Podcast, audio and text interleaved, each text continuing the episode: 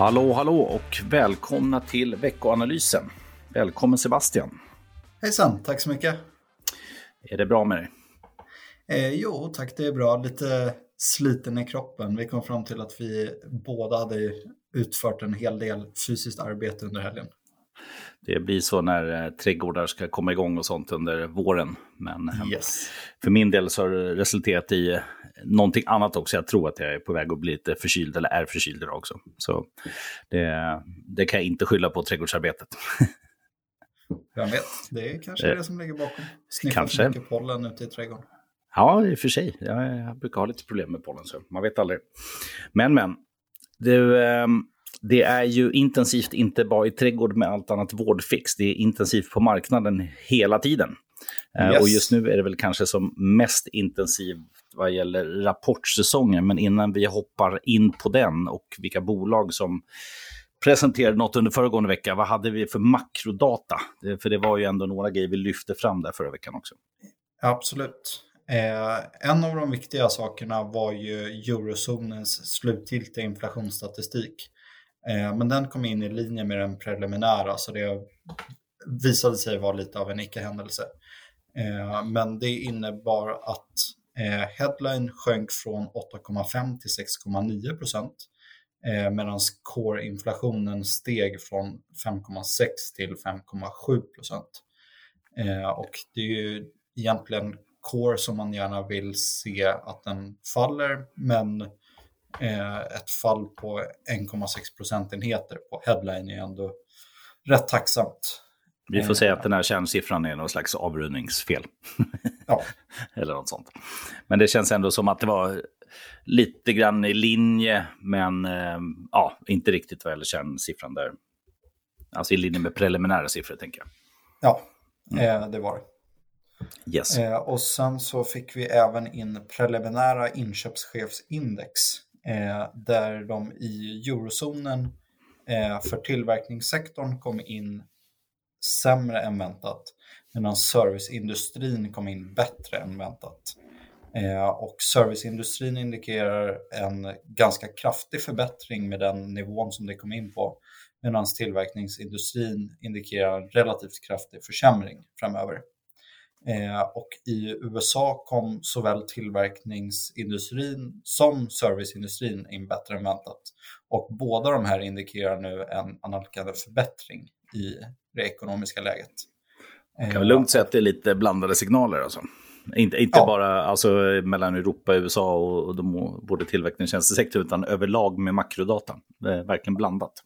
Absolut. Eh, men även i USA så var serviceindustrin bättre än tillverkningsindustrin, men där var skillnaden betydligt mindre än vad den var i eurozonen.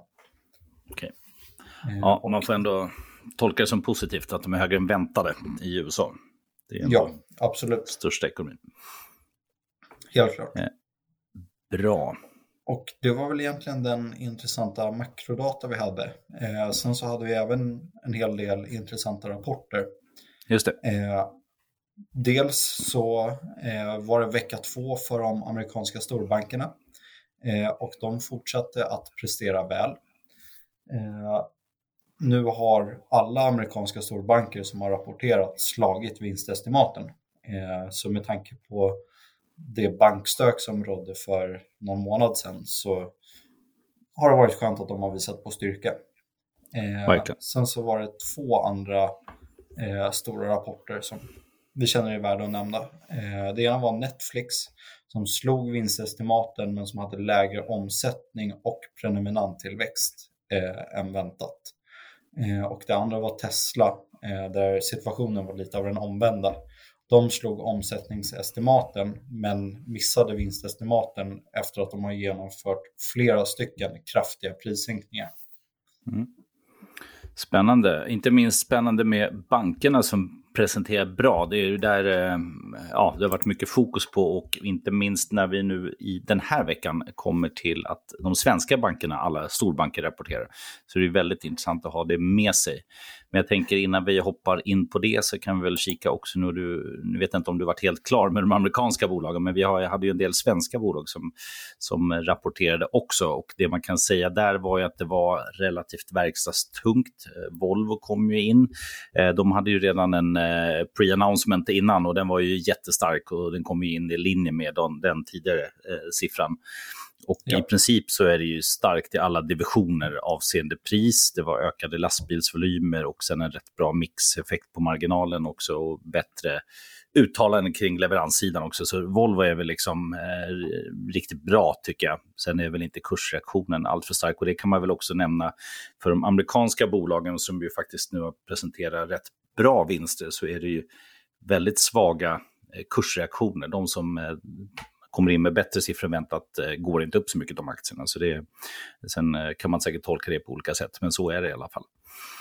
Eh, tittar man mer i eh, i Sandvik då i Sverige eh, så kom Sandvik in med bättre orderingång. Mining som överraskar igen, så ser väl rätt bra ut. Vi hade Husqvarna och där pratade vi kort förra veckan eh, där det var en väntad förbättrad robotics-verksamhet och det var det faktiskt också. Så att eh, man infriar förväntningarna. Sen tycker jag fortfarande att det finns lite makroosäkerheter. Men med rapporten i alla fall i ryggen så kommer det nog bli upp revidering av vinsten hos eh, analytiker för året. Sen eh, viktiga säsongen kommer först, så att vi får väl se eh, vad som kommer längre fram för Husqvarna. Och sen hade yes. vi Autoliv, eh, stark omsättning, lite besvikelse på lönsamhet. Och där kan man ju verkligen få liksom, lite såna signaler som man har oroats av. De påverkas av liksom, råmaterialkostnader, av inflation, av negativa valutaeffekter, lite lanseringskostnader och så vidare. Så där är det en besvikelse på lönsamheten, men i övrigt ganska bra omsättning. Och det gäller ju egentligen alla de verkstadsbolag som har kommit. Och det ska man ha med sig när till exempel SKF och Atlas Copco kommer den här veckan. Eh, gissningsvis är det ändå bra siffror vad gäller efterfrågan, om man nu ska tolka över det till makroläget och så vidare också. Ja. I övrigt då, ehm, ska vi hoppa in i ehm, vad som väntas den här veckan snabbt och sen fortsätter vi lite mer med makro sen? Vad säger ja, du I så fall så har vi ju fullt fokus på eh, big tech i USA. Eh, man säger, eller folk brukar ofta kalla alla de här bolagen för it-bolag. Eh, mm. Men eh, av de som ska nämnas så är det faktiskt enbart Microsoft som faktiskt hör till it-sektorn. Mm. men vi får bland annat rapporter av Microsoft, Amazon, Alphabet som är moderbolag till Google och Meta som är moderbolag till Facebook. men det är många bolag som antingen är it-bolag, klumpas ihop med it-bolag eller som har klassats som it-bolag men numera klassas till finanssektorn som rapporterar den här veckan. Eh, för utöver de fyra jag nämnde så har vi även Visa och Mastercard eh, som nu släpper sin första rapport eh, efter att de har omklassificerats till finanssektorn. Just det. Och de är ändå ganska stora de bolagen, så där kan man väl säga att vikten för finans ökar ju helt klart när man tittar på amerikanska marknaden, medan IT då eh, sjunker. Det, Absolut. De men sen är det ju... andra och fjärde största bolagen vid omklassificeringen. Sen kan ju det ha ändrats, men det är av den magnituden. Ja, det, det, är verkligen intressant. Alltså, i den, eftersom så mycket är tech-relaterat nu för tiden så får man verkligen så tänka hur stor del av omsättningen är påverkad av teknologi på något sätt och så får man utvärdera var de ska ligga därefter. Eh, det är ganska många bolag som, som har någon form av, av it-koppling, självklart, som du säger. Ja. Eh, yes. Men det är väl de stora den här veckan, men det ska också nämnas att det är troligtvis den mest fullspäckade rapportveckan eh, alltså som vi har den här rapportsäsongen. Det finns många, många fler, allt för många för att nämna, eh, som släpper rapporter. Men vi kanske ska passa på att nämna några svenska också, eller vad säger du? Jajamän, eh, och det kommer ju hur många som helst, ska då läggas till. Som jag nämnde så är det ju banker bland annat då. Eh, och eh, där är det ju, alltså bankerna har ju gynnats ordentligt av bättre räntenetto inte minst. Och eh, tittar man på till exempel på Nordea, Swedbank och så vidare, det väntas ju rekordvinst och eh, all time high för räntenettot, liksom, för exempel Nordea. Så egentligen så är det ju fokus på hur, hur bra det är. och Eh, vad gäller intjäning och sen självklart också i vissa fall som i SEB så är det nog ganska stort fokus på att man behåller sin kostnadsguidning. Eh, och det tredje skulle jag säga att det är fokus på vad man gör med kapitaldistribution. Eh, där ju till exempel Nordea ska lansera återköp i ganska stor utsträckning. SEB också indikerar återköp. Eh, så att vi, det är väl de delarna som är i fokus vad gäller bankerna. Eh, men det lär bli ganska bra rapporter. Eh, skulle jag säga. Och vi föredrar ja. ju SEB som vi har då framför allt. Det är förvisso en liten premievärdering, men det är också SEB som kanske gynnas mest i ett sånt här läge när vi ändå tror att börsen har lite kvar att ge och så vidare också. Eh, sen har vi ju ett helt sjok med eh, verkstadsaktier. Vi får SKF, vi får Atlas, vi får Trelleborg. Eh, jag har inte kollat så mycket på förväntningar på SKF, så är det nog relativt försiktiga förväntningar. De har ganska bra momentum, men eh, också aktien har fiskat ganska bra. Så jag skulle säga att det, det kanske ändå är högre förväntningar än vad analytiker egentligen har. Och utöver det så får vi rapporter från ja, Hexagon ska också läggas till där, eh, som ju faktiskt är ett bra exempel på sådana här verkstadsbolag som faktiskt är också ett teknikbolag på ett sätt. Ja. Eh, och sen har vi Assa Abloy, Alfa Laval, vi har Boliden, SSAB, så det kommer från råvarusektorn. Ja, det kommer egentligen från alla håll och jag tänker att vi nästa vecka summerar det där ordentligt så att vi ser vad som... För, för sen får, har vi fått in det, det mesta av vikt för, för Sverige så kan vi se lite mer trender framåt. Ja, Um, och um, ja, i övrigt, vad, vad, bör vi lägga till kring aktiesidan innan jag hoppar med på makro? Vi, uh, vi har ju haft ljusgrönt betyg på it-sektorn ett tag och har ju det på kommunikationstjänster också, eller hur? Um, det stämmer bra. Och det ju, har ju faktiskt varit ganska bra också. Ja, eh, det är ju de två sektorerna som har presterat bäst under året. Eh, så det är ju väldigt trevligt att se faktiskt. Eh, IT-sektorn är upp 17 procent och kommunikationstjänster är upp 15 procent hittills i år. Det är verkligen till toppen. Eh, sen finns det en, vilka ligger i botten? Det är mer energi och så vidare va? Energi är den sämst presterande sektorn följt av fastigheter.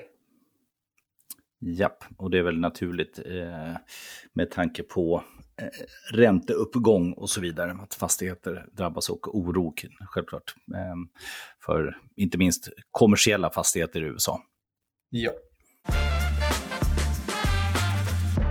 Ska vi hoppa in lite mer på makro och inte minst då det stora räntebeskedet från Riksbanken? Jag vet inte ja, varför jag kallar det, det stora, men det är viktiga. Eh, absolut. Eh, det är ju inte så mycket som händer på makrofronten den här veckan. Men för svensk del så blir det verkligen intressant med tisdagens räntebesked. Eh, och det som marknaden prissätter är en höjning med 50 punkter. Mm. Eh, en bedömning som vi delar. Eh, och det blir intressant att höra inte bara hur mycket de höjer imorgon, utan även hur mycket som de eventuellt kommer att höja i framtiden. Eh, för där råder det sedan delade meningar om eh, blir det bara 50 punkter till från där vi är idag? Eh, blir det 100 punkter till eller blir det någonstans mitt emellan, 25? Eh, och det råder faktiskt ganska stora oenigheter. Eh, så det blir väldigt intressant att höra eh, deras kommunikation kring det här. Vad tror du? Eh, jag lutar väl åt att de kör 50 nu och sen en till 25 och sen tackar för sig. Ja, Håller 3, det året ut 375 och sen alltså. börjar sänka i början av nästa år. Mm. Ja, 3,75 det skulle vara ungefär en procentenhet lägre än det man toppade på innan finanskrisen. Där var man ju på 4,75 om jag minns rätt. Här så. Ja. Um, ja, det blir spännande. Men det känns ändå, då känns det ändå som man kommer upp en nivå där man återigen har liksom, i alla fall skapat sig ett räntevapen om det skulle liksom bli sämre konjunktur. Då kan man ju faktiskt också börja sänka igen. Ja, eh, det som är värt att nämna är att eh, när man var uppe på 4,75 då hade man gått upp från 1,5 procent. Eh, Exakt. Inte minus 1,5 procent. Mm. Så är det. Det är verkligen värt att nämna. Så det blir väl, ja, det blir väl faktiskt mer den här gången i så fall. Ja. Ändå. Vi är redan och framförallt på... ännu brantare i snabbare steg ändå. Då hade man det, gjort det under ganska lång tid, egentligen två års tid minst va? Ja, det stämmer. Nu har det gått jättefort, så det är också värt att komma ihåg. Yes, men det kommer ju fler svenska siffror. Eh, detaljhandel, eh, konjunkturbarometer, eh, riktigt svensk vecka. PPI kommer. Um, är Detaljhandeln är... är ju intressant. Eh, den har ju verkligen störtdykit. Eh, man mäter ju detaljhandeln i reala termer och då är svensk detaljhandel ner 9,1 procent eh, om man räknar bort motorfordon och bilverkstad. Jag får mm. att det var ner 9,4 procent om man inkluderar dem. Mm. Så det är väldigt dystra siffror. Men det beror ju också på att vi har så pass hög inflation i Sverige som vi faktiskt har. Det ligger ju flera procentenheter över exempelvis våra europeiska grannar. Yep. Så detaljhandel i fokus lite grann och se hur dåligt det faktiskt är. För det är onekligen så att det, det känns som att det, det viker för detaljhandeln. Ja. Bra. Um, ehm, och i övrigt vad gäller makrosiffror så har vi, vad har vi mer? Jo, eh, IFO-index i Tyskland väntas stiga marginellt. Eh, har kanske kommit redan idag, men jag har inte tittat på det. Eh, och sen har vi amerikansk inflation, PCA-siffror på fredag, va? som kan vara intressant. Så även tysk kopi kommer preliminära, om jag ser rätt. Yes. Ehm, och där det väntas falla något. Då. Så det är väl det vad gäller makrosiffror. Sen i övrigt då, det vi inte har pratat om, som vi kanske ska klämma in fast vår tid säkert börjar ta slut, det är väl, tänka tänker jag, den här skuldtaksdiskussionen som pågår just nu. Och det känns som att den har liksom legat och grott lite grann de sista månaderna där man har trott att det kanske skulle vara någonstans mot augusti då man når det skuldtaket i USA igen. Eh, men i takt med att det kommer in siffror med lite mindre väntade skatteintäkter för april här så verkar det som att det är en större oro och det syns ju inte minst på den här CDS-marknaden där man då kan se att det kostar allt mer att försäkra sig mot en eventuell default på amerikanska eh, ekonomin. Men det är tänker jag i alla fall, är helt orimligt. Utan det är egentligen det man bör fokusera på är ju hur kommer det här eh, diskussionen fram tills man når ett eventuellt skuldtak, om det nu är i juni, juli, augusti. Hur kommer det bli och vilka kompromisser kommer man behöva göra? Vilka liksom, kanske utgifter får man skjuta på och hur kan det påverka tillväxten? Det är väl mer där eh, som man eh, hamnar och inte liksom att det skulle handla om en default. Men eh, någon slags utgiftsminskningar kan det absolut gå och det verkar synas också på marknaden. Tittar man på bolag som har stor andel försäljning knutet till statliga utgifter så verkar de gå klart sämre också. Eh, det som förvånar mig väl nästan lite grann är hur marknaden reagerar kraftigt på det här på räntemarknaden. Om du nu ser det som påverkar. Det som har hänt är att enmånadsräntan eh, och tremånadsräntan rör sig otroligt olikt just nu i USA. Eh, där vi har en enmånadsränta på 3,7 och en tremånadersränta på 5,1. Så 1,4 procentenheter i skillnad på ganska korta löptider. Eh, och det här, så här såg det inte ut i samband med skuldtaksdiskussionen vi hade 2011. Ehm, och eh, det finns väl egentligen ingen så superbra förklaring än att korta räntefonder och andra eh, vill ha jättekorta löptider och köper massa obligationer eller växlar på den nivån. Ja, och det har varit stora inflöden i den typen av fonder i och med bankkriserna och också att man helt enkelt får mer betalt än för att ha pengarna på ett vanligt bankkonto.